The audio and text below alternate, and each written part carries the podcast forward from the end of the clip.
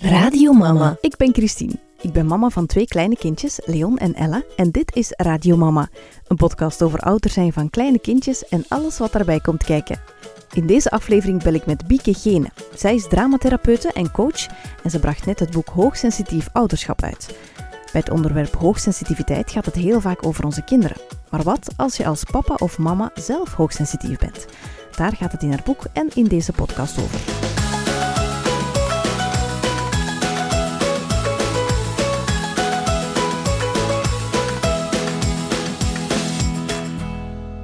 Dag Bieke, welkom in de podcast van Radio Mama. Dankjewel, Christine. Ik ben blij dat ik hier ben. Jij komt uh, met mij een beetje praten over uh, hoogsensitief ouderschap. Jij bent uh, dramatherapeute en coach. Dramatherapeute. Ja. Dat moet je eens uitleggen, wat is dat? Dat spreekt vooral tot de verbeelding, hè. ik weet ja, het. absoluut. Het is heel, heel moeilijk om op te antwoorden ook. Um, ja, wat doe ik? Ik ben therapeute en ik gebruik dramatechnieken in mijn eigen praktijk om uh, mensen te helpen. En wat wil dat nu juist zeggen? Hè? Want daar hebben we nu nog niet veel, uh, nog niet echt een idee van waarschijnlijk wat ik daarmee wil, uh, ja, wat ik daarmee doe. wel, wij gaan heel praktisch aan de slag. Hè? Dus stel dat er iemand... Um, het moeilijk heeft om nee te leren zeggen of assertief te zijn, in plaats van dat wij dan vooral gaan praten over en van waar denkt je dat dat komt en wat gaat je daar nu aan doen, gaan we daar eigenlijk echt rond oefenen. We gaan heel praktisch aan de slag. Hè. Maar dat kan even over moeilijkere thema's gaan, hè, zoals over rouw of over zelfbeeld, dat we dan toch um, ja, op een hele andere manier uh, ingang zoeken om daar toch rond te kunnen werken. Uh, ik heb niet zo'n zittend gat, dus dat is een ideale manier om therapie te geven. Maar ik ben daarnaast ook wel heel coachend bezig. Hè? Want ik denk dat ook niet iedereen toe is aan dat diepere. Of, ik denk ook niet dat bepaalde potjes open moeten getrokken om per se sterker eruit te komen aan een tijd. Ik denk dat mensen op bepaalde momenten gewoon heel concrete handvaten nodig hebben. Van wat doe ik in deze situatie? Wat kom ik nu tegen? En uh, dan gaan ze met mij wel op weg in een, een coachend uh, gegeven van... Uh, ja, wat, gaat er daar, wat kunnen daar dan nu thuis juist, hoe krijg je dit vertaald naar thuis? Wat ga je proberen? Uh, wat helpt? Wat werkt? Wat werkt niet? En dan gaan we dat zo gaan onderzoeken. Dus goh, en ik denk niet dat iedereen altijd therapie nodig heeft. Ik denk dat veel mensen gewoon vragen hebben en behoeften en noden. En afhankelijk van um, wat ze nodig hebben, ga ik kijken of dat, dat coachend of therapeutisch aan bod kan komen hier in de praktijk. Zeg, je hebt een, een boek uit net, Hoogsensitief ja. ouderschap. Hoe ben je daarop gekomen om dat boek te, te schrijven? Je begeleidt ja. ook hoogsensitieve ouders dan, vermoed ik? Ja, ja, ja. Het is echt wel voor hoogsensitieve ouders. Uh, uh, ja, dat is het echt wel. Hè. Dus, dus mensen die hoogsensitief zijn en die door uh, een kind te krijgen een mama of een papa zijn geworden. Hè. Dus waardoor dat de uitdaging binnen dat hoogsensitief gegeven nog net iets sterker aanwezig is geworden. Daarvoor heb ik het geschreven. En hoe is dat boek ontstaan? ik, ja, dat is heel grappig ontstaan. Ik heb al een boek geschreven voor Lano, hè, namelijk Opa en Oma zonder stress. En uh, ik heb een heel goed contact met de redacteur uh, waar ik mee samenwerk, ook voor dit boek. En zij is thuis op de markt van alles wat er verschenen is over hoogsensitiviteit. Mm -hmm. En ik was op zoek naar een boek voor hoogsensitieve ouders. Hè. Er bestaat al heel veel goede literatuur over hoogsensitiviteit, maar is vooral voor ja, u als hoogsensitieve persoon en veel over hoogsensitieve kinderen of hoogsensitief opvoeden, maar niet zozeer voor uh, hoogsensitieve ouders. En ik zie vooral in mijn praktijk mensen of ja, ouders van een hoogsensitief kind, die dan ook zelf hoogsensitief zijn, al weten ze het nog niet altijd in het begin, en die volledig uit balans gaan. Dus die eigenlijk met hun handen in hun haar hier komen en zeggen van, oh, help mijn kind, maar ondertussen ja, moet ik hun ook al wel uh, gaandeweg dat traject ook wel wat handvaten en tools geven om zelf in balans te kunnen blijven. En daar was ik een boek voor aan het zoeken. Ik wou zo echt zo een tip meegeven. Veel mensen vragen dat hier ook van, wat moet ik daarover lezen? En ik kon daar geen tip over geven. Dus ik heb toen aan Katrien gevraagd, die daar echt wel um, ja, expert op is op dat vlak, van wat is daarover verschenen. Ik zeg in Duits, in het Frans, in het Engels, het doet er mij niet toe. Maar ik wil daar iets over kunnen lezen. Zowel voor mezelf als, als een soort van aanbeveling hè, of, uh, naar ouders toe. Die is beginnen zoeken. En een maand later kreeg ik telefoon. Ze zei, ik denk dat we eens moeten afspreken, want ik heb dat niet gevonden. Dat bestaat niet. Dat bestaat niet in het Engels, dat bestaat niet in het Frans. Uh, niet in Nederland, niet in België. Ja, en dat was natuurlijk wel uh, straf, want ik had zoiets van, hallo, dat is echt wel een boek, ik, ik wil dat wel lezen, ik vind het straf dat het er nog niet is. En dan zou we iets gaan drinken in Antwerpen en dan heeft zij echt wel de vraag gesteld van, kijk, zie jij het eigenlijk niet zitten om dat te schrijven? En uh, ik ben daar toen, nog niet wetende aan welk avontuur ik weer opnieuw ging beginnen, ik heb daar ja op gezegd. Want ik dacht, als het niet bestaat, dan moet het geschreven worden. Sowieso. En uh, ja, zo ben ik dan begonnen aan het boek te schrijven, wat ik zo graag zelf acht jaar geleden had gelezen. Ja. Dus ja, en ook, het is mijn visie altijd geweest, uh, dat was ook bij opa en oma zonder stress, ik schrijf geen boeken over materie waar al goede boeken over bestaan. Ja. Ik vind dat heel ambetant, want uh, er bestaat goed materiaal over hoogsensitiviteit. Ja. En om dan ook maar eens een boek bij op die stapel te leggen, ik vind dat vooral verwarrend. Hè? Want wat moeten we dan gaan lezen? Wat is er dan goed? Wat is er dan niet goed? Ja. Wat moet ik volgen? Uh, en dat vind ik niet leuk. Ik merk dat ouders daar ook volledig in vastlopen van ja, maar ik heb dat gelezen, ja, maar ik heb dat gelezen, waar raad jij dan aan? Dat is ook heel subjectief. Ja, het is ook niet dat we zoveel tijd hebben om te lezen, om, om ze allemaal te lezen. ik wou zo heel graag een boek hebben ook, ja, en, daarom denk ik dat ik het ook zelf heb willen schrijven, uh, waar buiten de inzichten eindelijk ook eens gewoon ja, heel plat en eerlijk die herkenbaarheid in terugkwam. Ja. Um, als een soort van, van warm dekensken of zo. Een soort van geruststelling. Uh, zo van, het, het, het gaat af en toe echt volledig de mist in, ook bij mij. Maar we komen er wel. En op sommige momenten gaat het wel goed, en op sommige momenten gaat het niet goed. En daarnaast mis ik in heel veel boeken concrete tips. Maar echt concrete tips, want dat is hoogsensitiviteit. We weten dan op een bepaald moment wel van, ah tja, dat is er, uh, en ik heb dat kenmerk. En dat houdt het wel in. Maar wat dan? Allee, hoe, hoe ga ik daarmee om? Hoe, ja, hoe blijf ik in mijn evenwicht? Uh, en dat is wel lastig, uh, merk ik wel. En bij hoogsensitief ouderschap is het nog lastiger, omdat ene keer als dat kind daar dan is, dus als je een hoogsensitieve papa of mama bent geworden, ja, dan ligt uw focus zo sterk op dat welbevinden van dat kind, maar zo sterk, um, dat je zo graag, want je bent een people pleaser, dat welbevinden is belangrijk van je kind, je wilt dat hij gelukkig is, je bent dan ook nog eens perfectionistisch als hoogsensitieve, ja, dat je je eigen volledig op een gegeven moment verliest en, en dat je het niet meer weet en dat je komt te zeggen van help, er is geen rust niet meer in mijn gezin, mijn kind ervaart geen rust niet meer maar zelf ook niet meer doorhebt, dat je volledig zelf de rust niet meer hebt. Ja, en ook zo dat je, dat je zo denkt van... Dat je, je doet een hele dag alles zoals dat je het wilt doen en dan s'avonds ontploft je lontje ineens. En dan, eh, je bent zo bezig met, met je kind te laten ontprikkelen, zeg maar, dat je gewoon jezelf... Allez, dat je eigenlijk niet, niet nadenkt bij, misschien heb ik dat ook wel nodig. En jezelf zo opzij zet dat je s'avonds gewoon zo overprikkeld bent dat je, dat je ook gewoon gemakkelijker ontploft. Ja, en dat is ook logisch. En ik, dat hoopte ik ook echt met dat boek te doen. Van kijk, dat, dat overkomt mee ook. Um, ja, en, en het, is, het hoort er echt gewoon bij. Dus, dus als hoogsensitieve papa of mama denkt u gewoon heel veel, je voelt heel veel en je zij automatisch gefocust op die andere. Want je vindt het gewoon belangrijk dat je zijn eigen goed voelt. En zeker als je weet dat je een hoogsensitief kind hebt, dan heb je ondertussen waarschijnlijk al door uh, hoe belangrijk dat, dat is, dat dat kind op de juiste manier ondersteund wordt, dat dat juist begrepen wordt, dat dat op de juiste manier ontprikkeld wordt. Maar dan wil je dat zo goed doen en ondertussen, ja zijn er totaal niet met wijgen uh, bezig. En, en je blijft maar doorrazen in je hoofd en doordenken en doorvoelen. En, en dan op een gegeven moment is dat potje gewoon vol of leeg of het is maar hoe dat je het bekijkt. En dan in ene keer komt er zoiets heel stom op je pad. En dan verliest het. Daar komt het echt op neer. En dan staat het te prullen. En dan denkt je, dan denkt je zelfs op dat moment, shit, ik ben aan het brullen. Um, dat is niet oké. Dat is zelfs het slechtste wat je kunt doen op dit moment. Want je gaat ze ook volledig daarop reageren. En toch kunnen dat gewoon niet meer op dat moment. Je niet tegenhouden, ja. Nee, dan is ratio zo ver zoek, maar echt zo ver. En dan komt er nog eens bij dat je inderdaad daarna een huilend kind hebt, of een kind dat terugreageert, en dan denkt, oh nee, dit komt gewoon niet goed niet meer. En ik heb zo geïnvesteerd in de avondrituelen, en ik heb het zo verkloot. En dan komt nog eens het schuldgevoel. Ja. Van waar komt deze? Moet ik in therapie? Is er iets mis met mij? En dan komt er nog eens bij uw man terecht of bij uw vrouw. En oh, zie je, ik kan het niet. En alleen dan komt die drama weer naar boven.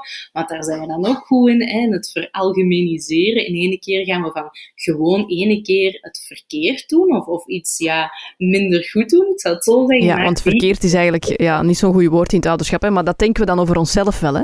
Ja, ik doe het verkeerd, hè. Zie, ik kan het niet, hè. Allee, hoe dikwijls dat ik dat niet gedacht heb gehad, toen, dat ik, toen natuur um, kleiner was, dat ik dacht, ja, het moet aan mij liggen, hè. Ik kan het gewoon niet. Doe het toch. Allee, ja, verdorie.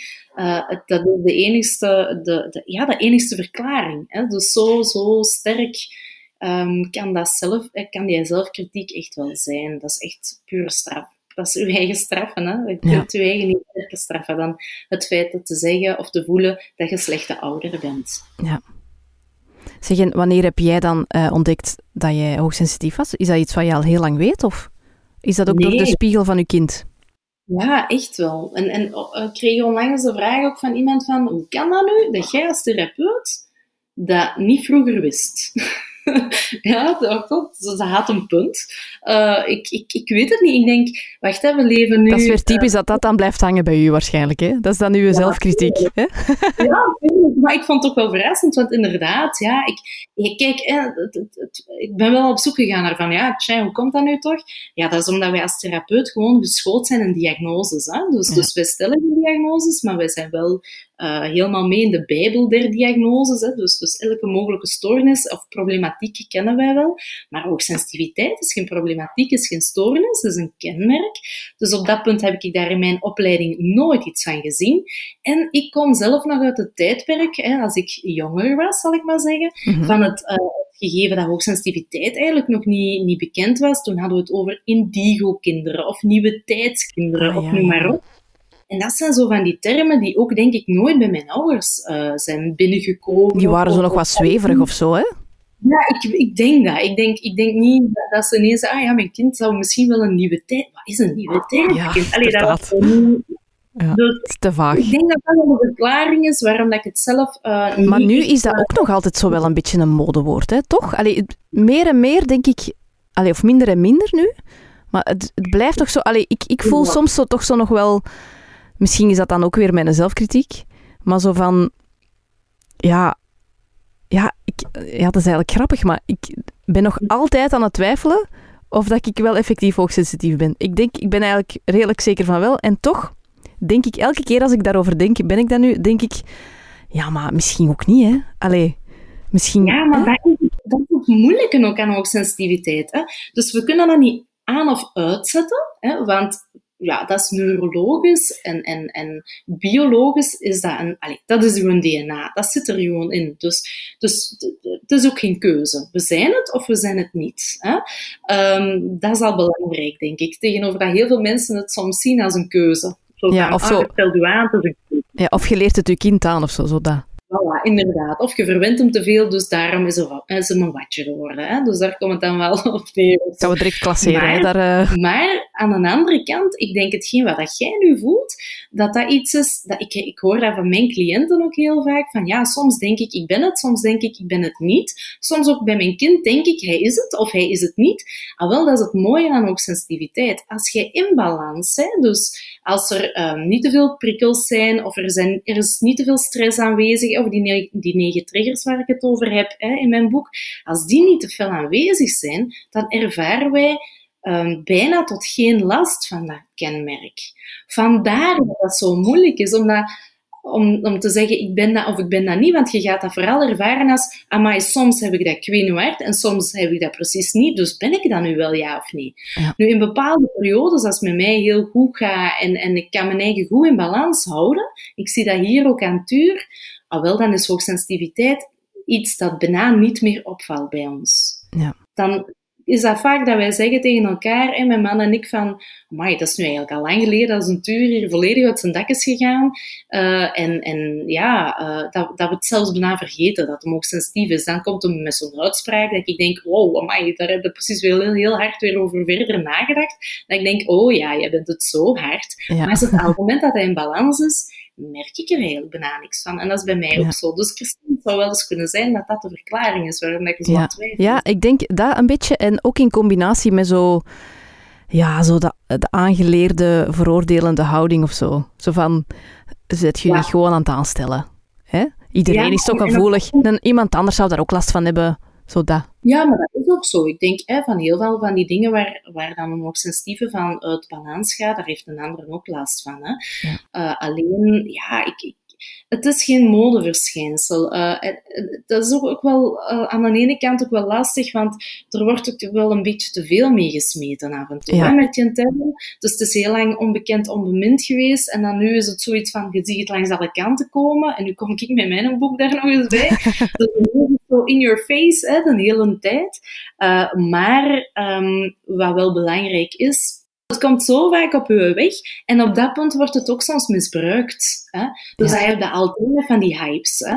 Ja. Uh, de mensen die het hebben, die gaan het vaak niet gebruiken namelijk die term. En dat is ook iets dat ik uh, veel mensen ook aanraad. Van, ga dat niet zo benoemen van ik ben hoogsensitief of mijn kind is hoogsensitief, want daar zijn mensen niks mee. Als je graag wilt dat mensen er rekening mee houden, ga dan expliciet benoemen waar ze rekening mee kunnen houden of best rekening mee houden. Bijvoorbeeld in een klas ook. Een juffrouw heeft er niks aan als je zegt van uh, ja, mijn kind is hoogsensitief, hè? Ah, dat is toch niet zo gemakkelijk. Ja, wat, wat moet je daar dan mee? Het is veel handiger als je tegen de juffrouw dat zelfs bijna niet zegt, of je moet voelen dat hij daarvoor open staat, en gewoon zegt van, kijk, hij heeft het nogal lastig met geluid. Ja, of, uh, heel concreet. Ja, of, of die plaats in de klas ervaren wij, of hebben wij vorig jaar ervaren, dat als hij van voor zit, dat dat beter werkt, of als hij van achter zit, dat dat beter werkt, of weet ik veel. Daar kunnen leerkrachten ja. niets mee. Met van, ik ben ook sensitief, ja, dat is zo'n beetje van, ja, oei, ja, oei, en, en nu? Ja, ja. dan wordt het ook wel moeilijk. Ja. Maar het is een modeverschijnsel. Uh, toch aan het is echt een ding. Het is een ding, ja. En het is wel iets uh, waar dat je een kenmerk, als je het hebt, dat het in uw voordeel is om echt wel te gaan onderzoeken hoe dat, dat dan juist bij u manifesteert, op welke domeinen dat je dat dan ook wel bent. Uh, en, en, en ja, hoe dat, dat in uw leven eruit ziet. Hè? Waar ja. dat jij van onderuit gaat of niet. En wat u ook terug in balans brengt. Hè? Want dat is natuurlijk ook heel belangrijk om te weten. Hè? Ja, want ik denk zo soms, als um, uh, toen wij jong waren, en zeker toen onze ouders jong waren, toen was dat gegeven vermoedelijk totaal nog niet bekend. Hè? Of wel misschien, mm. maar dan veel vager. Uh, dus ik denk dat er heel veel volwassenen rondlopen die het, uh, die het zijn en die het dan ontdekken doordat hun kind het ook heeft, hè, want het is erfelijk. Um, en dat je eigenlijk dan pas ontdekt van, ah, er is een ding dat heet hoogsensitiviteit, mijn kind heeft het en ik heb het misschien ook. En je ontdekt dat dan pas op, op volwassen leeftijd en dan kun je daarmee aan de slag na 30 jaar te leven. Hè. Maar wat ik zo tof vind, is, is dat wij nu weten we dat. En we, we kunnen dat ook... Hè, we weten dat onze kinderen dat misschien hebben. Um, en, en ja, je, je kunt die al zo die handvaten geven als ze dat vind ik zo waardevol, dat, dat die gewoon al 30 jaar voorsprong hebben eigenlijk. En zonder het, zonder het te diagnosticeren inderdaad, want het is geen stoornis, hè, maar mhm. gewoon soms zijn er bepaalde dingen die wel handig kunnen zijn om, om beter of, of ja, gelukkiger in het leven te staan of zo. Hè? Ja, natuurlijk. En dat je dat weet, wat dat is, dat kenmerk, en wat dat in, eh, inhoudt. Of dat je dat, en zeker ook als je dat later, op latere leeftijd ontdekt, dat geeft zoveel rust, puur en alleen maar omdat je ineens een verklaring je krijgt. Je begrijpt het, ja. Dingen die je, waar je mee hebt zitten struggelen. En, en, en het leuke daaraan is, en dat vind ik echt wel, voor hoogsensitiviteit bestaat een soort van handleiding. Als je echt goed doorhebt op welke domeinen dat je hoogsensitief bent, dus waar dat je die last kunt ervaren, dan, dan, bestaat er, dan bestaan er ook echt de hele simpele tips en tricks om je in balans te houden. Je moet daar geen pedagogische studies voor gedaan hebben, of ik weet niet hoeveel weken masterclasses voor gaan volgen, of noem maar op, of op je handen kunnen staan. Je kunt dat door eigenlijk te vertalen naar hele ja, dingen die toegankelijk toepasbaar zijn voor u. En het leuke daaraan is, als je dat zelf ontdekt en je hebt dat door en je gaat op zoek naar wat helpt voor u, mm-hmm. zijn je ondertussen ook bezig met tja, dat werkt hier ook voor mijn kind. Want dat is gewoon zo. En die krijgen een voorsprong tot en met daardoor. Hè? Want die leren, kinderen leren door naar hun ouders te kijken. Die kopiëren voilà. Ja. als ik dan in ene keer hier thuis in de living als een tuur krijg en die zegt, oh mama, mijn hoofd zit echt zo vol, echt waar, zo vol. En ik, ik ga gewoon, het moet eruit, maar ik vind er de woorden niet voor, dus ik ga gewoon wenen. Dan komt er ook iets uit. En dan denk ik, ja man, allee, hoe geweldig is dat, dat jij ja, dat zegt. Dat is... Voilà, maar dat komt ook gewoon doordat ik dat zelf ook heel vaak benoem. Ik kan Ja. ook zo in één keer zo vol zitten dat ik niet begin te roepen, maar dat het op een andere manier begint te stromen. Ja. En hij heeft, mag dat hier zien? En dan heb ik je dat zo ook gezegd, van jongen, eigenlijk is er niks aan de hand, maar ik heb zoveel gedacht, zoveel gevoeld vandaag. En nu zie ik één stom dingetje op de tv en ik begin te wenen. Ik ga dat gewoon toestaan. Ik ga me zoiets gewoon beter voelen. En dan zie je die zo een paar weken later ook zo'n opmerking doen en dan denk ik, Ja. yes, dat is toch geweldig. Hè? Ja, Dus door zelf daarmee aan de slag te gaan, leerde uw kind ook zoveel. Echt waar. Dat is, dat Als ik dat nu zo ja. toepas op mijn situatie, dan denk ik ook van ja, dus ik ben eigenlijk heel de dag al die prikkels aan het binnenlaten en, en mij aan het laten overwhelmen, zeg maar, tot ik s'avonds gewoon snap. En ondertussen probeer ik mijn kind te leren om zichzelf te doen ontprikkelen, maar ondertussen ziet hij een moeder die zich helemaal laat overwelmen en op een gegeven moment gewoon snapt ook. en dat snappen Voilà. is, is ook niet erg, dat wil ik niet zeggen, maar gewoon, hè, het, het gaat inderdaad over de, de- dat model geven. Hè. Daar leren ze het meeste uit. Ja, dat is ook zo. En ook, hoe vaak hoor ik ouders niet zeggen van, ehm, eh, want daar ben ik heel blij voor, dat is zo wel een tendens van de laatste jaren, van je mag boos zijn, hè? Dus, dus je hebt recht op elke vorm van emotie, maar wij dan niet.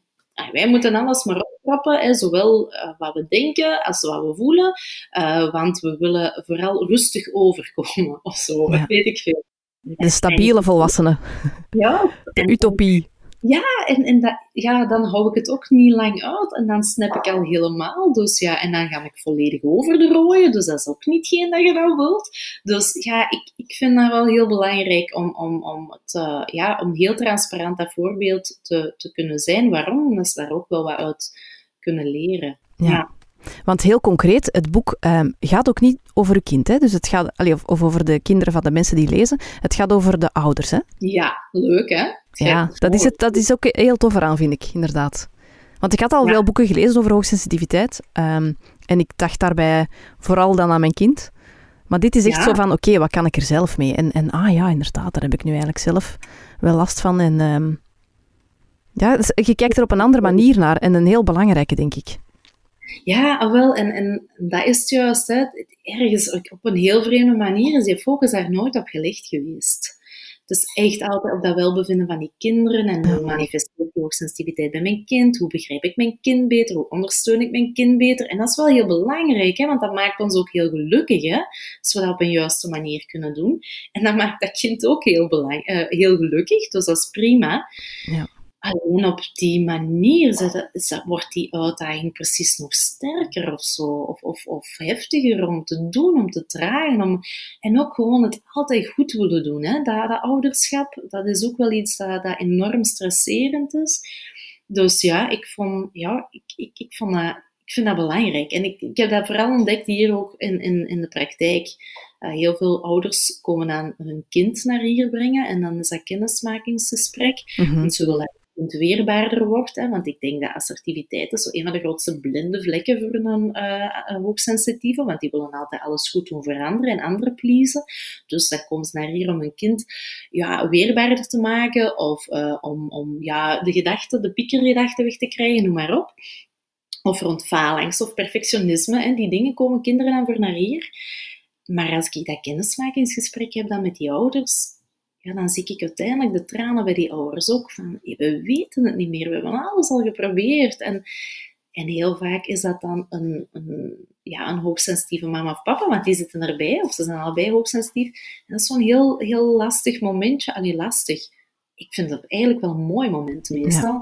Dat je dan kan zeggen van, kijk, het is wel genetisch. Hè? Het, het, het, ze, zij of hij heeft het van geen vreemde. Dus het is misschien ook wel interessant om eens te kijken bij uzelf, hoe dat het bij u zit. En om het zelf ook te leren kennen. En om ook uh, mee te zoeken naar wat houdt u overeind. En, en wat heb jij nodig? Want als heel veel mensen willen rust bij hun kind en in hun gezin krijgen, maar als ze dat zelf niet ervaren, ja, dan... dan zeker zo'n hoogsensitief kind, hè, dat voelt dat gewoon aan en die pakt al die stress mee en je gaat dat terugkrijgen, hè? als een boemerang in je gezicht. Ja.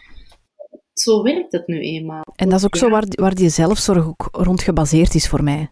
Zelfzorg is Ja. voor mij niet een dag naar de sauna of is een badje pakken. Of, dat, allee, dat helpt ook natuurlijk, maar voor mij is dat echt gewoon ja, mezelf kennen en mijn grenzen aangeven. En ja, gewoon, ja, dat.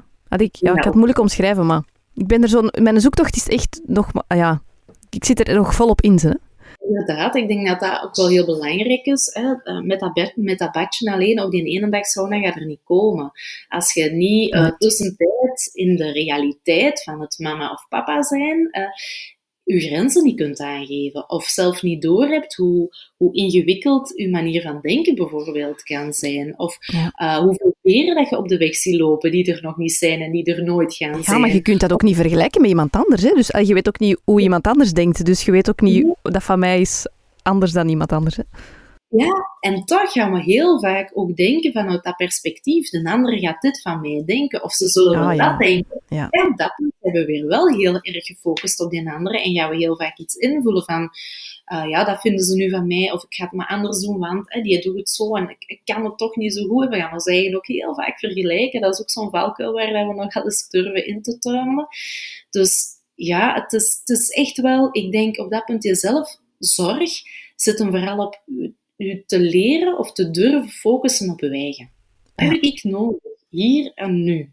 Wauw, dat is, dat is niet, ik weet niet wat. Hè. Ik zeg het, je moet daar echt geen toeren voor doen. Maar wat voel ik nu? Wat denk ik nu? Wat heb ik nu nodig? Wat houdt mij nu tegen? En ik denk dat dat redelijk eh, nuchter, nuchtere dingen zijn. Gewoon die, die in het, ja, waar dat je geen ehm, tijdschema's voor moet maken of, of moet Nee. gaan inplannen. Gewoon in dat, gelijk die koptelefoon, hè, waar dat ik het ook in dat webinar over heb. Ehm, Een noise als cancelling.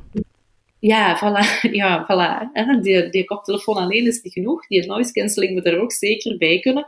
Ehm, ik kan niet zomaar zeggen van, eh, ik ga me eens even ontprikkelen, mannen.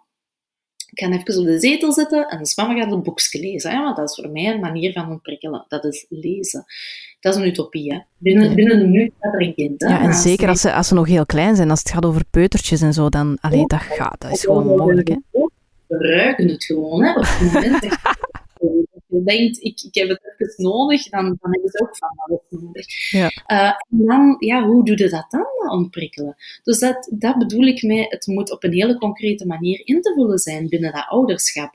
En een van die tips hè, is dan bijvoorbeeld je koptelefoon opzetten, eh, waarin dat ik gewoon zo echt een hele grote heb gekocht, beetje gelijk dat jij nu op hebt, hè. Ja. Eh, waar iedereen het ook ziet dat ik dat draag en dat ik daar ook naar kan wijzen als zijnde van mama, nu is de mama in haar eigen wereld of in haar eigen zone of happy place of hoe dat je het ook wilt noemen. Ja. En ondertussen doe ik mijn was of eh, ja, zit ik te koken en dan heb ik ook gelukkig ook geen last van die dampkap. Hè. Die staat te brullen boven uw hoofd ook nog eens. Oh ja, dat die dampkap. Oh, als Maarten die laat opstaan... Als we bijvoorbeeld tv kijken en die heeft nog iets gemaakt en, en die laat het opstaan, dat, dan kijk ik echt zo van... Are you kidding me? Zet die dampkap af. Hoe kun je dat nu niet horen? En ook dat lichtje, hè, dat moet ook uit, hè. Want als ik dat in mijn, in mijn ooghoek zie... Maar en hoe hard ga je daar niet op letten dat je kind niet te veel geluidsprikkels binnenkrijgt? Ja. Hè? Want we, zetten dat, hè, we gaan toch een beetje minder hard praten, of we zetten dat wat stiller, of we zetten... Maar zelf houden daar bijna geen rekening mee. Dus voilà, die dampkap, die joelende kinderen, die ruziende kinderen, eh, de scheidsrechterfunctie die je even eh beu bent, hè, of die het echt niet, niet aangenamer maakt voor u als mama of papa soms. Ah wel, zoiets, dat kan werken. En ondertussen zet je gewoon je huishouden wel aan het doen. En blijf je bereikbaar voor je kinderen. Hè? Allee, als er een begint over te geven of zo, ga ik wel die noise cancelling even afzetten en, en in de pres springen. Hè? Daar niet Ja, ja. Hoe oud zijn uw kindjes eigenlijk? Als een tuur wordt er, eh, oh, binnen drie dagen, vier dagen, acht. Uh-huh. Hans Fran, eh, die is er zes, die wordt er zeven. Die zijn Ja. op eh Die zijn al wat 15 ouder. maanden verschil zijn die. Ja. Bij mij is dat bijvoorbeeld, die een hoofdtelefoon zou denk ik nog wat te vroeg zijn, omdat ze nog wat te klein zijn. Ik heb dat eens geprobeerd, zo'n podcast luisteren, maar ja, dat was dan, op den duur waren dat dan twee stemmen door elkaar. De stem van die podcast en dan ondertussen de Leon die dingen vroeg. En daar, ja, dat was alleen maar erger eigenlijk. Maar ik heb, dat is, allee, je, je zoekt dingen die voor uw eigen situatie, hè, met de leeftijd van je kinderen ook werken. En wat ik nu heel tof vind bijvoorbeeld, is in onze veranda staat zo een schommelstoel. Dat is niet echt een schommelstoel, maar die, die wiept zo wat door. En ehm, dat vind ik heel tof om daarin te zitten. En mijn kinderen, ja, die, die volgen mij overal waar ik ben, dus die komen dan Oh, wel ja. mee, maar die komen dan allebei op mijn schoot zitten. En doordat ik dan zo aan het, eh, aan het schommelen ben, worden die ook rustig. En dan Ah. is dat eigenlijk voor mij soms even al voldoende. Zo gewoon Voilà. even dat momentje rustig. Ze zijn dan zelf ook rustig en dat is dan samen met de Ah, ja. kinderen ontprikkelen. Dat is heel mooi, maar ik, allee, waar dat ik bijvoorbeeld de mis in ben gegaan toen mijn kinderen zo klein waren, eh, was bijvoorbeeld eh, als die een dutje deden, Mhm. om door te blijven gaan en al. Ah ja.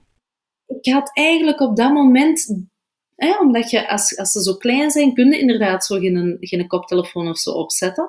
Ehm, maar ik, heb- hoe dikwijls dat ik daar gewoon niet, ik weet niet wat, allemaal probeerde in te proppen Ja. in dat dutje. Het ene uur per dag. Wat ga ik doen? En voilà, inderdaad, wat ga ik doen? En ondertussen hebben we ook een hele slechte nacht gehad. Dus die Ja. vermoeidheid is ook zo aanwezig. Had ik, allee, had ik die boek toen gelezen, of had ik toen beter geweten hoe hoogsensitiviteit juist in een haak zat, of, of, of hoe, hoe dat, dat mij uit balans kon halen, dan had ik denk ik dat uurtje aangegrepen om gewoon, ja, ik denk niet veel meer te doen dan met een koffie op te drinken zonder dat die koud moet worden. Ja. En, en, en gewoon, ja, misschien gewoon niks. Wat staren of zo. En wat schommelen en wat staren naar buiten. Ja, en voilà, hè. Dus, dat, dus ja, inderdaad, na vanaf u, hoe, hoe oud uw kinderen zijn, ehm, gaan de uitdagingen ook wat eh, variabel zijn of zo, of, of, of eh, op een andere oh, manier naar boven komen. Maar ik, ik geloof er wel in dat heel veel, en, en dat is ook hetgeen dat ik in dat boek aangeef, heel veel van die tips zijn wel te vertalen naar Ja. eh, uw eigen situatie. Ja. Eh, omdat ze niet te abstract zijn. Of zo. Ja, Eh, inderdaad. Ja. zo, ja, allee, dat, dat idee had ik toch. Ja, ja, dat is ook was- zo, inderdaad. Het is echt, allee, ja, er, er zijn concrete situaties die op elke leeftijd van toepassing zijn. En er zijn er die misschien minder van toepassing zijn en misschien meer. Maar allee, het is inderdaad wel zo dat er veel praktische dingen in staan. Dat is wel tof. Dat is Ja, ook vaak wat, wat, wat ouders graag hebben. Hè? Ja, en je moet echt zoeken naar wat voor u werkt. Ja. Want op dat punt eh, heb ik absoluut niet de pretentie om te zeggen, ah, wel, dat je het nu zo doet, hè, van, ah, dat je Ja. keigoed gaat doen. En, eh, Het is niet de, de Holy Bible. Oh nee, oh, alsjeblieft. Nee, verre van. Maar ik denk wel dat het u op weg kan zetten. En, en eh, ook vooral geruststellen. En ik denk dat dat ook wel echt een van mijn belangrijkste doelen was. Zo, die, die boeken vol inzicht, die zijn wel heel handig. Maar zo de geruststelling en de, het effectieve praktische op weg geraken, Mhm. dat ik in heel veel eh, literatuur. Ja. Ehm, ja, dat... Je dat spreekt in, eh, in je boek over eh, de negen triggers. Hè, dus dat zijn Ja. de dingen die ons ja, triggeren als hoogsensitieve ouder. Wat wil dat zeggen? Dat we daar gevoeliger voor zijn? Dat dat ons uit balans kan... kan Dat haalt ook helemaal boord. Ja, Ja. zeker in, in momenten dat we ehm, ja, misschien in een stressvollere periode zitten of wat minder slaap hebben. Hè? Dus zeker in het begin van uw ouderschap, denk ik, eh, zijn dat zaken, als die op uw pad komen, ja, dan, dan moet er echt niet veel gebeuren om, om daarvan uiteindelijk s s'avonds eh, de rekening te presenteren aan uw partner door heel hard eh, in, in conflict te willen gaan of in een enorme huilbui terecht te komen. Hè. Dat zijn echt wel de zaken die ons onderuit halen. of misschien in, in, in zichzelf te doen keren of zo. Hè? Want dat is, nat- dat is ook misschien bij iedereen anders. Ja. Afsluiten en, en, en eh, van, van alles en nog wat en, en alleen met je gedachten blijven zitten. Hè. Dat heeft er weer mee te maken of dat je het extraverte of het introverte type bent hè, van hoogsensitieve persoon. Ehm, maar ja, het haalt ons onderuit. En het zijn negen dingen, of, of ja, negen triggers, die onvermijdelijk bij ons leven horen. Het is, je kunt niet zomaar zeggen van, oh, vandaag eh, eh, zou ik eens liever niet dat op mijn pad krijgen. Het kan zijn hè, dat je ze niet alle negen gepresenteerd krijgt op een dag. Hè.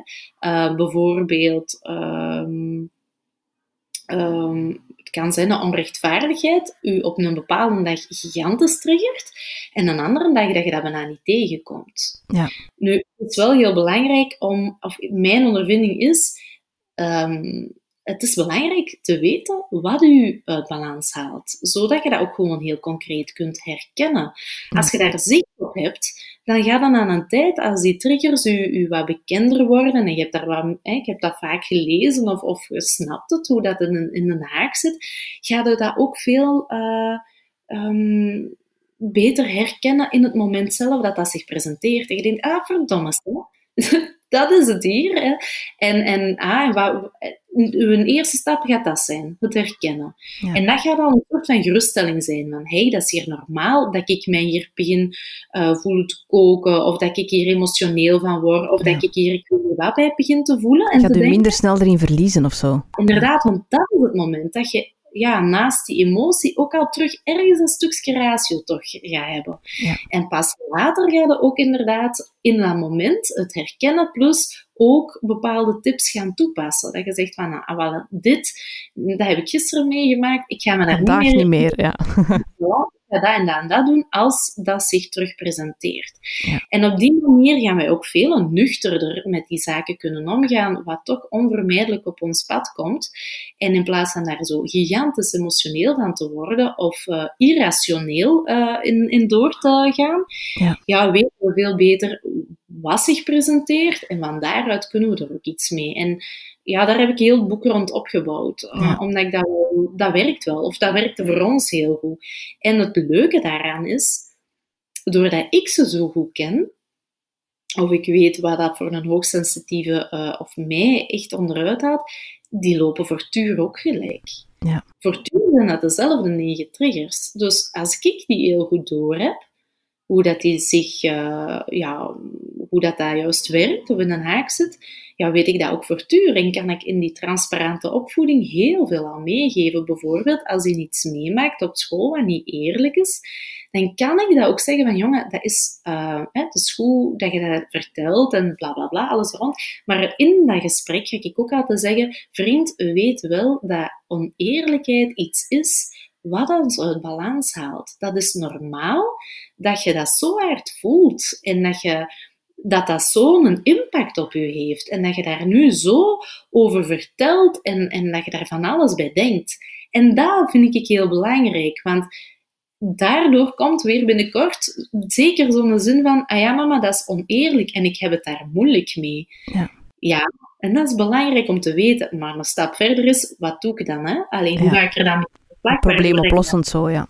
Ja, waar dat, ik die oneerlijkheid eh, beter kan verdragen. Ik denk dat dat daar vooral wat wegwerken. Mensen, oneerlijkheid, uh, dat is heel moeilijk. Ja, in deze wereld is dat uh, quasi onmogelijk, zeker nu. Maar al die triggers, ik denk dat het bijna niet zoiets van is van, uh, ah, wel, dat is nu de oplossing, maar hoe um, ga ik daar anders mee om? Wat kan mij helpen om op een moment toch staande te blijven en op het einde van de dag toch mijn energie over te houden?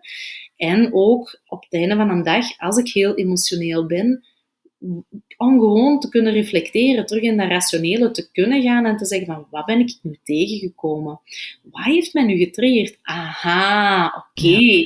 En dat is al heel wat, want in plaats van, oh, zie je, het ligt allemaal aan mij, ga dan naar, ah, maar ja, het is helemaal niet zo raar dat ik nu volledig uh, begin te wenen of mij boos voel of me, uh, alles begin te overdenken, want ik heb dat en dat en dat meegemaakt. Waardoor dat je je ook in plaats van abnormaal voelt, ja. ook terug wel wat voelt van, ah, oké, oké, dat was Zo ben ik, ja, dat, is wie ik ben, ja. Voilà, en als ik dat morgen terug meemaak, um, hoe ga ik daar dan mee aan de slag? En dan zijn er tips en zo, hè, dat, je, dat je inderdaad... Uh, en ook naar je kinderen toe, hè? Die, die leren dan ook van, ah ja, oké, mama kan daar gewoon niet zo goed tegen. Door die focus nu echt op je eigen te gaan leggen, op dat hoogsensitief ouderschap, alles wat je daaruit leert, neem je mee naar je kinderen. En, ja. en voilà. Dus je bent automatisch ook hoogsensitief aan het opvoeden. Ja. Dus dat is wel twee, ja, voor de prijs van één, of hoe zeggen ze dat, Joost? Ja. Uh, twee vliegen in één klap.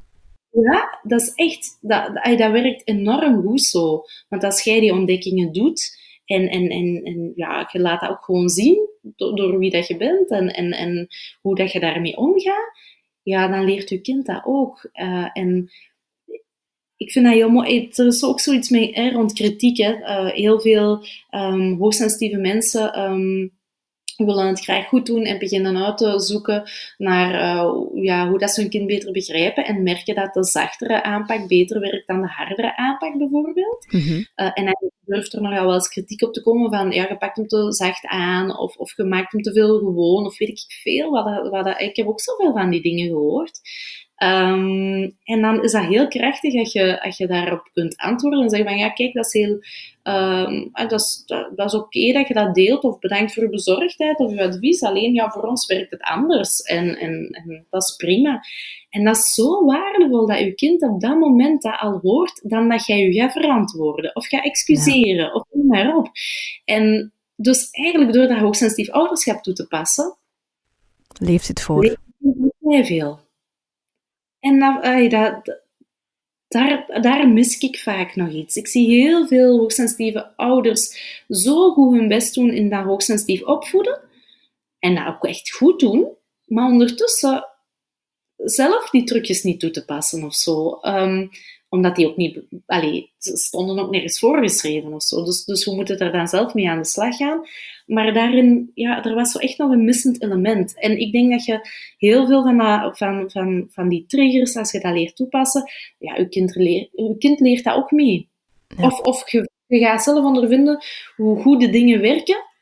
Uh, dat u in balans houden, dus waardoor dat je automatisch ook dat gaat vertalen naar je kinderen dat gaat je vertalen naar je kinderen. Daar ben ik, daar ben ik, ik doe dat hier ja, dagelijks. Niet, niet zozeer dat ik hier um, het perfecte traject uh, bewandel. Hè. Verre van. Hè. Je mocht het aan mijn zoon eens vragen. Misschien moeten daar Perfect bestaat niet in het ouderschap. Hè. Laat ons dat al even duidelijk stellen. Uh, maar ik merk wel dat, dat, dat, door het toe te passen, door mezelf beter in balans te houden, dat, ik, ja, dat het veel aangenamer is geworden voor iedereen hier. En dat mijn eigen zoon ondertussen ja, meelift. En, en ja, die ziet het ook gewoon wat werkt. En die, ja, we kunnen daar eigenlijk heel goed over praten. En dat is wow, enorm waardevol. Dat is ongelooflijk. Waar dat hier nu al staat op zijn acht jaar, dat manneke, dat wist ik een paar jaar geleden nog niet zelfs, denk ik. Uh, ja, dat is soms knap om te zien, hè, hoe, die, hoe die kleine mannetjes zo veel, veel opsteken. Hè? Ja, dat is. En, en ze zijn daar heel ontvankelijk voor ook, hè, die, die jonge Hè. Ja, absoluut. Wij moeten, we moeten echt al dingen gaan afleren. Hè. Ja, tuurlijk. ja. Als je al 30 jaar leeft en al 30 jaar dingen doet, dan... Um, ja. Dus dat, bij, bij hem is dat bijna iets, iets dat normaal is of zo. Of, of uh, wat hij ook veel ja. wat minder zwaar beleeft dan dat ik dat uh, beleefd heb. ik denk nu ook bijvoorbeeld aan de, de um, de, ik denk nu ook bijvoorbeeld aan de hogere doelen van Elfie Cohn, die ook Nina Mouton uh, in de podcast uh, heeft uh, gezegd. Hè. Dus de, de, de, doelen die je hebt voor je kinderen, wat je wilt dat ze, dat ze doen, waar, waar ze, ja, de waarde dat ze hebben als ze twintig zijn bijvoorbeeld, die moeten eigenlijk dus ook gewoon zelf, voor jezelf voorleven. Hè. Zeker, daar ben ik echt van overtuigd. Ja, als daarin staat van je moet assertief zijn, voor jezelf opkomen, ja, dan, dan is het denk ik wel waardevol als je dat ook voor jezelf durf doen als, je, als dat iets is wat je, wat je zelf ook uh, moeite mee hebt. Dus als er hier assertiviteitstrainingen in gegeven worden, dan zie ik de ouders ook zonder de kinderen. En uh, dan, dan vraag ik altijd van waarom, hè, waarom, waarom hebben ze daarvoor ingeschreven? Waarom, ah, dan krijg ik weer goede antwoorden, hè, hele mooie antwoorden, die ook volledig logisch zijn. En als ik dan vraag aan diezelfde ouders uh, wie van jullie uh, kan zichzelf assertief noemen, er een eigen vinger in de lucht. En als ik dan vraag, en weten jullie eigenlijk wel op welke manier dat je dat kunt uh, zijn, hè? assertief, of hoe dat je dat... Ook niemand die dat weet. En dan denk ik, ja, ga, dat is fijn dat je wilt dat je kind dat is. En dat zal waarschijnlijk ook komen vanuit het idee van, oei, ik kan dat niet, dus ik wil zeker dat mijn kind dat wel kan, want je hebt dat keihard nodig. Maar het is ook heel mooi als je een bepaald voorbeeld daar ook wel in kunt geven. Dat gaat ook veel logischer zijn voor je kind. Anders is dat van, allee, moet ik dat hier kunnen? En mijn eigen, ja, mama, mama of papa... Niet, ja. zegt nooit nee of, of durft niet echt voor zijn mening op te komen. Um, zo, zo, zo, zijn er wel wat, wat voorbeelden ook. Hè. Hoogsensitieve kinderen worden door heel veel mensen ook verkeerd um, gelezen, noem ik dat altijd. Hè. Bijvoorbeeld, het zijn heel vaak kat uit de boomkijkertjes. Mm -hmm. hè, dus waarmee je bedoel, zij hebben graag eerst die schoot van mama of papa. Om eens even te zien en te checken wat kan ik, wat wil ik, uh, wat vind ik leuk, waar heb ik goesting in, ja of nee, vooral dat ze, hè, dat ze vertrokken zijn. Eén keer als die vertrokken zijn, hè, dan houden ze niet meer tegen. Hè. Ja. Maar die eerste fase, en dan komen er zo van die mensen, oh leeg, ze precies zo verlegen, en dan en zo dat, hè, die commentaar. Um, ik vind dat dat heel goed werkt. Als ouders dat ook snappen van waar dat, dat komt. En als ouders op dat moment zeggen van, maar hij is helemaal niet verlegen, hè, ver van, hij is gewoon eens even aan het bekijken en hij doet dat liever van, ja, van op mijn school, dan is hij wel vertrokken. Dan hoort dat kind ook van, hé, hey, mijn mama begrijpt dat ik in elkaar zit, of mijn papa begrijpt dat, en die heeft dat vertrouwen wel dat ik iets op mijn eigen tempo moet doen en dat dat wel goed komt. Tegenover als je dan als ouder zegt, ja, ja, aan het begin is ze wel wat verlegen, dan hoort dat kind, ah, mijn mama of mijn papa vindt mij verlegen. Er is dus iets mis met mij. Ja. Voilà. En uiteindelijk kom je uit bij een soort van ik ben verlegen, terwijl dat je als kind misschien gewoon niet meer werd als iemand die gewoon wat tijd nodig had om het eens even te bekijken. En dan vanuit dat vertrouwen en die innerlijke motivatie of die goesting iets te kunnen gaan doen. Dus dat is een heel ander gegeven. Dus in dat opzicht is het ook wel belangrijk om als hoogsensitieve persoon uh, of ouder, als jij um, ja, de hoogsensitiviteit van je kind beter wil begrijpen, dat je het ook goed zelf begrijpt hoe dat verwijgen in elkaar zit en wat je helpt. En ik weet nog, in het begin had ik zo die een bijbel, hè, uh, misschien, ja, hoe ik groei, ik weet niet of dat, dat nu nog... Mm ja. Ik had die ook. Bijbel, hè, dat werd mij ook aanbevolen langs alle kanten. Hè. Daar gaat het in vinden. En als hij veel weent, en hij weent veel, hè, leest die, want hè, daar staat eigenlijk, hoe noemt dat? Sprongetjes, sprongetjes. Ja, oh ja, verdorie, ik heb het al ergens gedelete, denk ik, in mijn, in mijn geheugen. Um, en, en, daar gaat het in vinden en, en, en je, gaat, je gaat merken, je gaat daardoor te weten komen dat dat normaal is. Wanneer, maar bij zijn duur, oh, dat liep voor geen meter. Hè.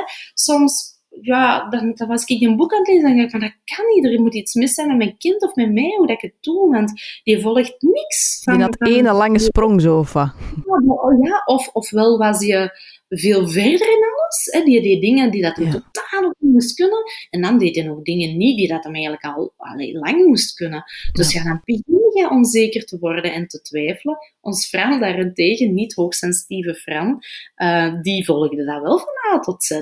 Dus Um, als ouder is het ook wel normaal dat je onzeker wordt. Dus als je dan te weten komt hoe dat, dat je hoogsensitief bent, al is dat misschien doordat je het eerst te weten komt omdat je kind het is, of dat je het vermoeden hebt dat je kind het is, en daardoor als een logisch gevolg van, aha, ik ben het dus misschien ook wel, is het wel belangrijk om te weten wat het inhoudt en hoe dat je daarmee omgaat.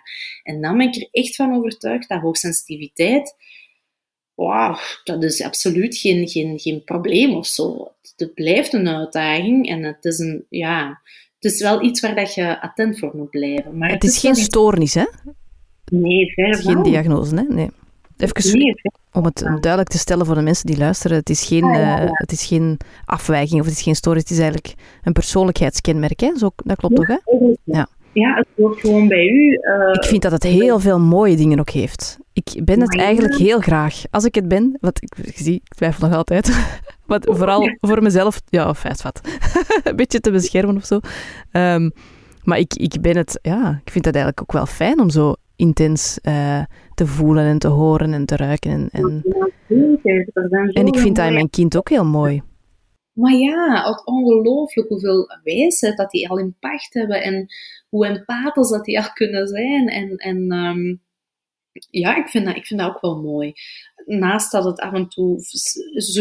Weet je wat? Ik noem het vooral vaak vermoeiend. Ik denk dat dat... dat ja, ja vermoeiend. Hoe is het heel leuk ook. Alleen ja. biedt het ook een meerwaarde, sowieso. Ik denk ook vermoeiend, omdat in mijn geval, ik weet niet, misschien kunnen dat dan beamen of, of, um, of niet, maar in mijn geval is het ook vermoeiend geweest, vooral omdat ik het um, wegstopte of zo. Omdat je je toch aanpast aan wat je niet zei, omdat je het niet weet dat je, het, eh, dat je zo zei. En allee, dat je je wilt aanpassen aan, aan je omgeving. Dat je het zo wat wegsteekt. En, ja, en, dat klopt. Ja. Maar dat is ook zo. Hè? Er zijn zoveel momenten, als je het nog niet weet, um, dat je je anders voelt en dat je onzeker bent en dat je twijfelt. En ook heel vaak de feedback krijgt van, uh, ja, allee, hoe denk jij daar nu over? Of, of zo, laat het toch los. Oh, die zin alleen al. kreeg ik er stress aan. Want ik zag iedereen mij dat doen en, en kunnen. En oh, laat het toch los, daar moeten we toch niet over nadenken. Ja, en dan was hij zo'n one-liner. Schat, ik laat het toch los. En dan denk ik denk van, ja, ja, dat is waar, ik moet het losdoen en dan om loslaten. En hoe moet ik dat doen? En gewoon daar al kreeg ik gigantisch veel stress over, omdat ik dacht, ik dat niet. Dat werkt zo niet, hè?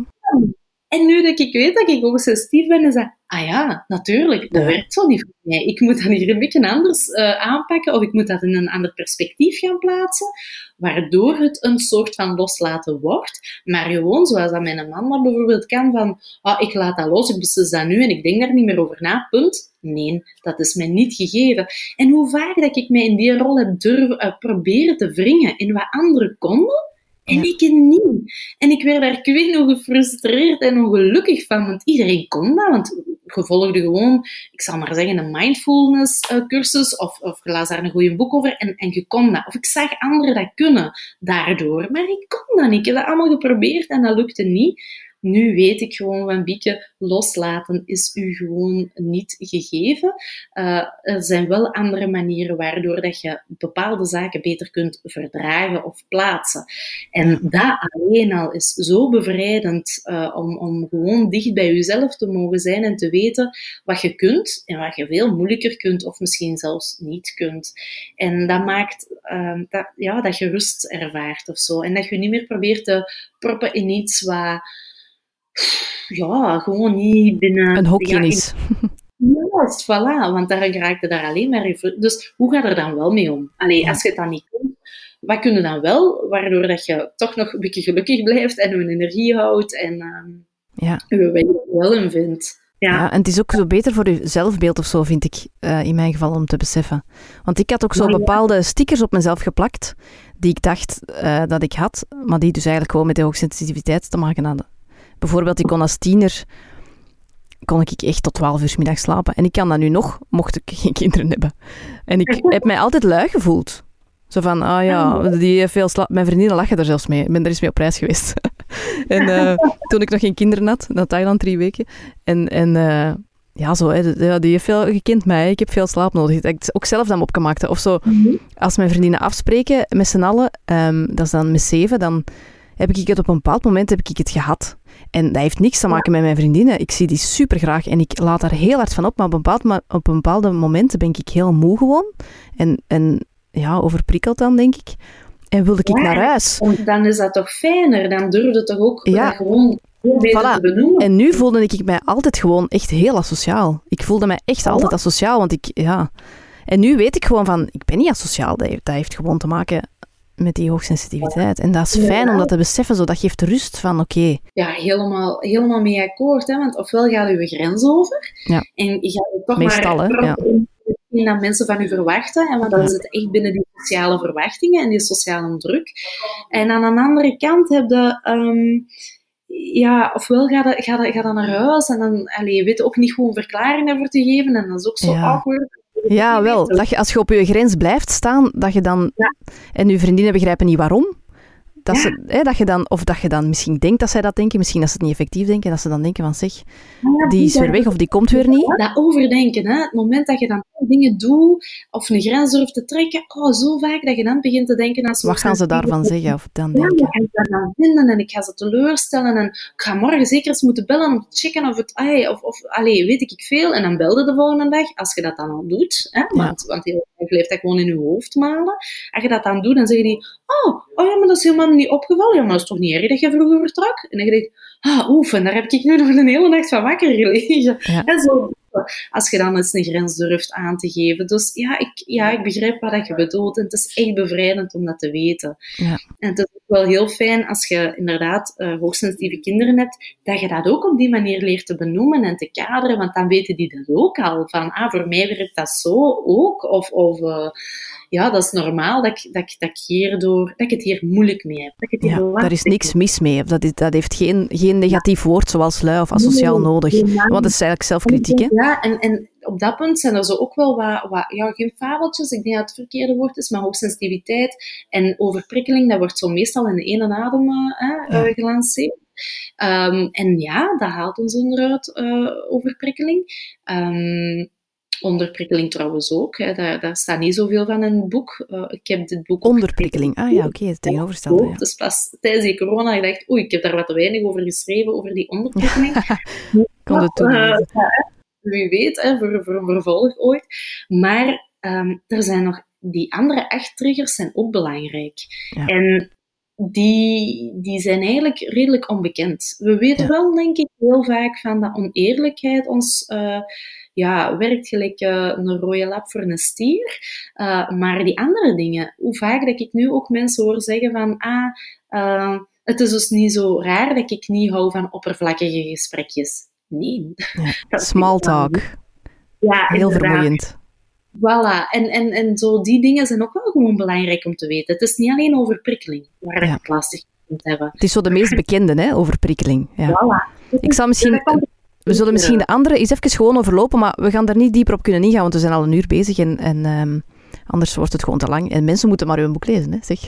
Ja, natuurlijk. maar dus overprikkeling is de eerste die je um, aan bod laat komen. En dan conflict. Ja, ik vind dat ik heb ze niet in, in die volgorde dat ik dat de ene het belangrijkste vind of zo, dat niet. Maar conflict uh, is, is wel um, is, is een hele dubbele. Aan de ene kant zijn we enorm bang voor ruzie. Uh, of voor conflict of moeilijke gesprekken. Ja. Waarom? Omdat we schrik hebben voor gevolgen van conflict. Hè. We, we, gaan mensen misschien kwetsen of kwijtraken, of ze gaan ons niet leuk niet meer vinden, of um, ik ga niet meer voldoen aan de verwachtingen, en noem maar op. Ja. En aan de andere kant kunnen we thuis, in onze veilige haven bijvoorbeeld, hè, waar dat we alle krediet hebben uh, dat binnen de onvoorwaardelijke liefde valt, kunnen we volledig uit ons dak gaan. En kunnen we echt wel heel boos worden en, en heel hard ontploffen. Dus ja. dat is heel dubbel. Um, heel conflictvermijdend, maar op een bepaald moment, of, of als het, ja. het veilig voelt, dan... Uh... Boom, echt Boom. gigantisch. Uh, dus uh, daar, daar heb ik echt wel aandacht aan, aan gegeven, ook omdat um, vooral dat boos zijn oké okay is. Ik denk, uh, door dat in een ander perspectief te plaatsen, dat een conflict veel minder zwaar beladen ja. is, of, of een lagere drempel krijgt, uh, dan, dan dat je er soms zelf in, in, ik zeg het, dat zijn die beren op de weg die je ziet, hè, uh, dan dat je er soms zelf aan geeft. En ik ga dat maar niet zeggen, want hey, ik ga dit of dat, en oh, ik wil je toch niet tegen de borst stoten en noem maar op. Dus daar zit ook heel sterk dat stukje in van hoe ga je grenzen aangeven op een goede manier. Hè? Want um, laat het zover niet komen, dat hoeft ook niet. Je moet best wel voor jezelf opkomen. Ja. En ook als je dan eens ontploft, staat daar heel sterk in van, kijk, uh, wat doe je dan op dat moment? En uh, hoe kan je jezelf terug vergeven nadien? Ik denk dat dat ja, ook belangrijk is. Wees mild voor jezelf, komt in elke ja. podcast terug. Hè? Nina Mouton, die druppelt als een rode draad door al mijn afleveringen. dus die conflict is best wel een belangrijke. Ja. Uh, welke komt daarna? Ik weet, ik weet um, niet. Afscheid hebben we dan uh, en stress. Die stress ah, ja, is ook een, ja, dat is de tijdsdruk. Ja. Daar hebben we misschien daar straks dan allebei last van gehad. Zo van, oké, okay, om acht uur gaan we bellen. Alhoewel, ik, ik kan het wel wat beter. Ik, ik was wel gerustgesteld. Je zei, pakte een tijd en dat deed eigenlijk al heel veel.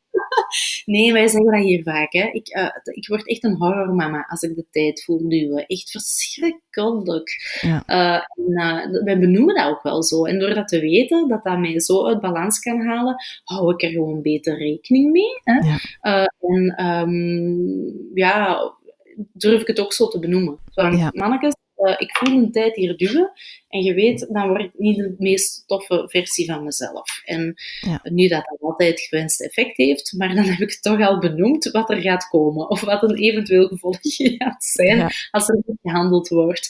Ja. Uh, dus um, ja, daar hebben we het best wel lastig mee.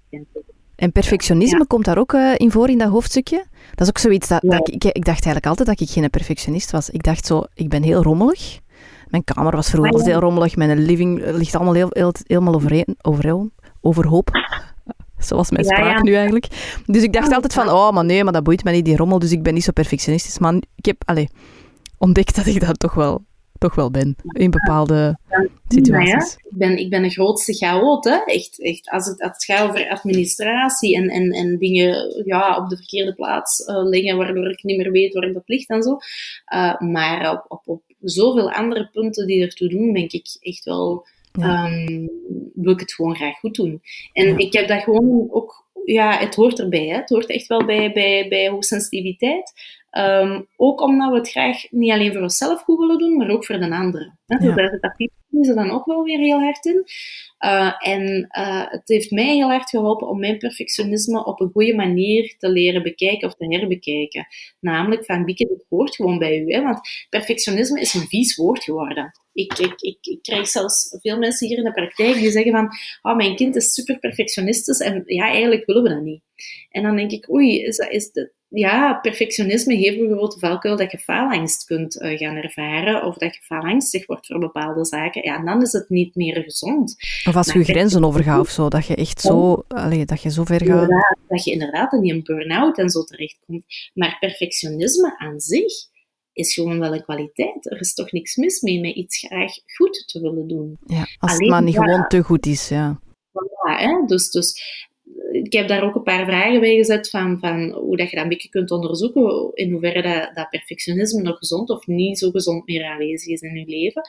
Um, maar het is zeker geen vies woord. En als je dat leert uh, te kennen, van hoe dat, dat bij je juist zit en, en in hoeverre dat je dat aanwezig wilt laten zijn in je leven, ja, is dat prima. Ik denk, uh, wat mijn werk betreft, vind ik het, ik weet nu hoe dat ik perfectionistisch ben. Ja, dat is waar, ja. Mama zijnde, probeer ik het heel sterk te relativeren. Want ja, het is een utopie om een perfecte mama te zijn. En ik denk trouwens dat ik ook geen betere mama word door een perfecte mama te willen zijn. Dus, dus, dat, allee, dus ik denk dat dat op bepaalde gebieden dat dat iets is dat je, dat je gaat moeten onderzoeken hoe dat, dat voor je werkt. Maar als je het heel graag wilt goed doen, ja, dan geeft dat stress. Dus vandaar dat dat binnen dat luik staat van ja. de trigger. Ja, ja. oké. Ik ga de andere alleen nog even gewoon overlopen, um, want um, ik zou willen afronden, want het is, um, het is al, altijd helaas. Maar dan, dat is ja. goed, dan geven de mensen een beetje, een beetje goesting om te lezen. Hè? Dus uh, de volgende is dan uh, kritiek. Uh, oh, ja. Dan komt er onbegrip van de omgeving. Ik heb erbij geschreven, tussen aanhalingstekens, je overdrijft. Ja, en, en dat is ook een Um, ik ga daar niet verder over in, over het thema zelf, maar ik heb ook een paar keer expliciet uh, de, de, tip gegeven, mm -hmm. zeer expliciet, van dit is misschien handig dat je partner eens leest. Ja. Hè? Uh, en dat zit daar volgens mij ook op. Je mag nooit meer zeggen je overdrijft. Bijvoorbeeld. Ja. Of het is niet zo handig als je zegt dat uh, je hoogsensitieve partner rustig moet worden. ja, zeg echt. Zijn nu toch eens ja. kalm? ja, voilà. Dus allee, er zit zo, zitten een paar echte... Uh, dus dat je niet moet zeggen, ah, wel, je moet die eens lezen, die een boek, want... Dat, ja, dat gaan die toch niet doen, nee. ja, dus dan kunnen echt zeggen, ja, deze moeten eens lezen. En dan staat het er ook eerst op, zo van handig, hè, om te weten. Ja, ah, en ja, dat is wel tof, ja. heel veel uh, handige tips in, ook naar de partner van. Naar de omgeving toe, ja. Ja. En dan... Of de, inderdaad, of de grootouders. Ja, ja, of uw ouders, of, of inderdaad, ja. ja. Ja. Inderdaad, want er zitten ook wel wat tips in, want uw klein, of het kleinkind of uw kind gaat ook vaak uh, zich onbegrepen voelen ja. of vaak verwijt krijgen dat iemand uh, overdrijven is. Hè? Ja, of de dus, juf of zo, misschien is dat dan ook voor de juf wel handig. Ja. Voilà. En dan de volgende is onrechtvaardigheid, oppervlakkigheid, daar hadden we het daar, daar straks al eens kort over gehad. Hè? Mm -hmm. um, en dan de laatste, dominantie. Zo niet goed kunnen tegen autoritaire opvoeding. Zo. Nee, inderdaad. Hè dat klopt. En, en, daar zit dat, ja, dat schoolgegeven ook nog eens heel veel aanwezig. Ja. Hè? Ja. Um, waarin dat ze echt wel die, ja, toch wel vaak het gevoel krijgen dat ze dingen moeten doen. Hè? En, en ja, dat is ook, daar wordt heel veel opgelegd vanuit? Ja. Dus uh, maar, maar wij als volwassenen, eh, het is ook wel handig om dat te weten, hoe dat in de haak zit. Um, niet alleen om, om weer uh, vooral uh, die een trigger bij onze kinderen um, thuis niet aanwezig te laten zijn, maar gewoon in ons dagelijks leven. Hoe, hoe manifesteert zich dat en, en hoe haalt mij dat onderuit en hoe kom ik toch terug in balans als dat, als dat op mijn pad komt. En um, ik in ja. die valkuil komen. Ja. Het is echt vooral dat. Ik, ik ben veel gevallen maar echt serieus gevallen. Ik ben daar sowieso ook goed in. Ik val ook gewoon echt letterlijk heel veel. Maar, maar spreekwoordelijk, ik ben al veel tegen de muur gelopen en uh, gevallen, vallen en opstaan. En daar heb ik veel mee geleerd. Je wordt er veel uh, krachtiger van, hè? Ja, ik heb, ik heb daardoor leren struikelen.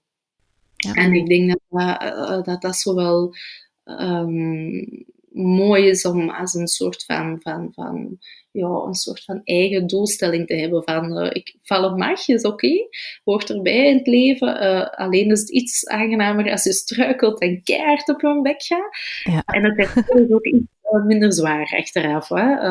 de revalidatie. Dus, dus dat laat een soort van doel zijn. Hè? Want niet meer vallen, of, of, dat, is, dat is niet mogelijk. En dat is ook niet... En dat hoeft ook niet, want daar gaat ook niet veerkrachtig van worden. Hè? Dat is, bij kinderen is dat hetzelfde. Hè? Je kunt ze ook niet behoeden van alle stress in, in de wereld. En dat, is ook, dat zou ook niet, niet aan te raden zijn, want dan gaan ze ook niet leren hoe ze moeten omgaan met de stress die eh, sowieso in de wereld aanwezig is. Hè? Nee, maar struikelen is een, een pak aangenamer als keihard vallen. En ik denk dat je met die, door, door goed te weten te komen hoe dat hoogsensitiviteit juist in elkaar zit en jezelf daardoor uit dat hoekje uh, kunt krijgen van het feit dat je soms het gevoel hebt dat je abnormaal bent, of dat, dat, dat het niet klopt hoe dat je het doet, of dat je in elkaar zit. En daarnaast te weten van wat haalt mij uit balans, of waardoor val ik, ja, ga je ook uiteindelijk gaandeweg meer struikelen dan, dan keihard vallen. En dat is wel... Of dat is... Um, dat zou mooi zijn, denk ik. Yes. Ik zou hier echt nog drie uur over kunnen babbelen. Echt waar. Ik zou denk ik over elke trigger een uur kunnen babbelen. Maar dat, is, niet het, het, het, uh, het, het, concept van de podcast, dus we gaan het helaas moeten afsluiten. Maar als mensen meer willen weten, kunnen ze dus jouw uh, boek bestellen. Ja. Hoogsensitief ouderschap. Waar kunnen ze jou vinden op ehm, de sociale media? Uh, ik heb een website, uh, dat is www.hoogsensitiefouderschap.be. Ik krijg hier nog een knuffel van mijn zoon. uh, en daar kan je het ook gesigneerd bestellen. Hè? Dus, ja. en verder, ja, hoogsensitief ouderschap is ook wel de term voor op social media. Dus, op Instagram, Instagram, ja, en Facebook ook. Facebook ook. Yes. Ik wil u heel, heel graag bedanken. Ja, nee, ik vond het heel leuk om daarover te vertellen. Want nu met die corona, ik ja, ik zeg het. De, en ook de boekenbeurs dat weg is gevallen. Ik, ik, ik, ja, ik wil zo graag over dat boek vertellen. En inderdaad nog uren daarover vertellen. En dat gaat nu gewoon niet. Of dat is niet gegaan. Ik ben heel blij. Ik vond het ook gewoon keigezellig. Ja, ik ook. Absoluut. Heel erg bedankt in ieder geval. Merci, hè, merci. Hè. Salutjes, hè. Salutjes, hè. Dag. En voor jou, dankjewel om te luisteren. Als je zin hebt gekregen om het boek te lezen, check dan zeker mijn Instagram-account, Christine Wollands want daar kan je een exemplaar winnen van het boek van Bieke. Veel succes!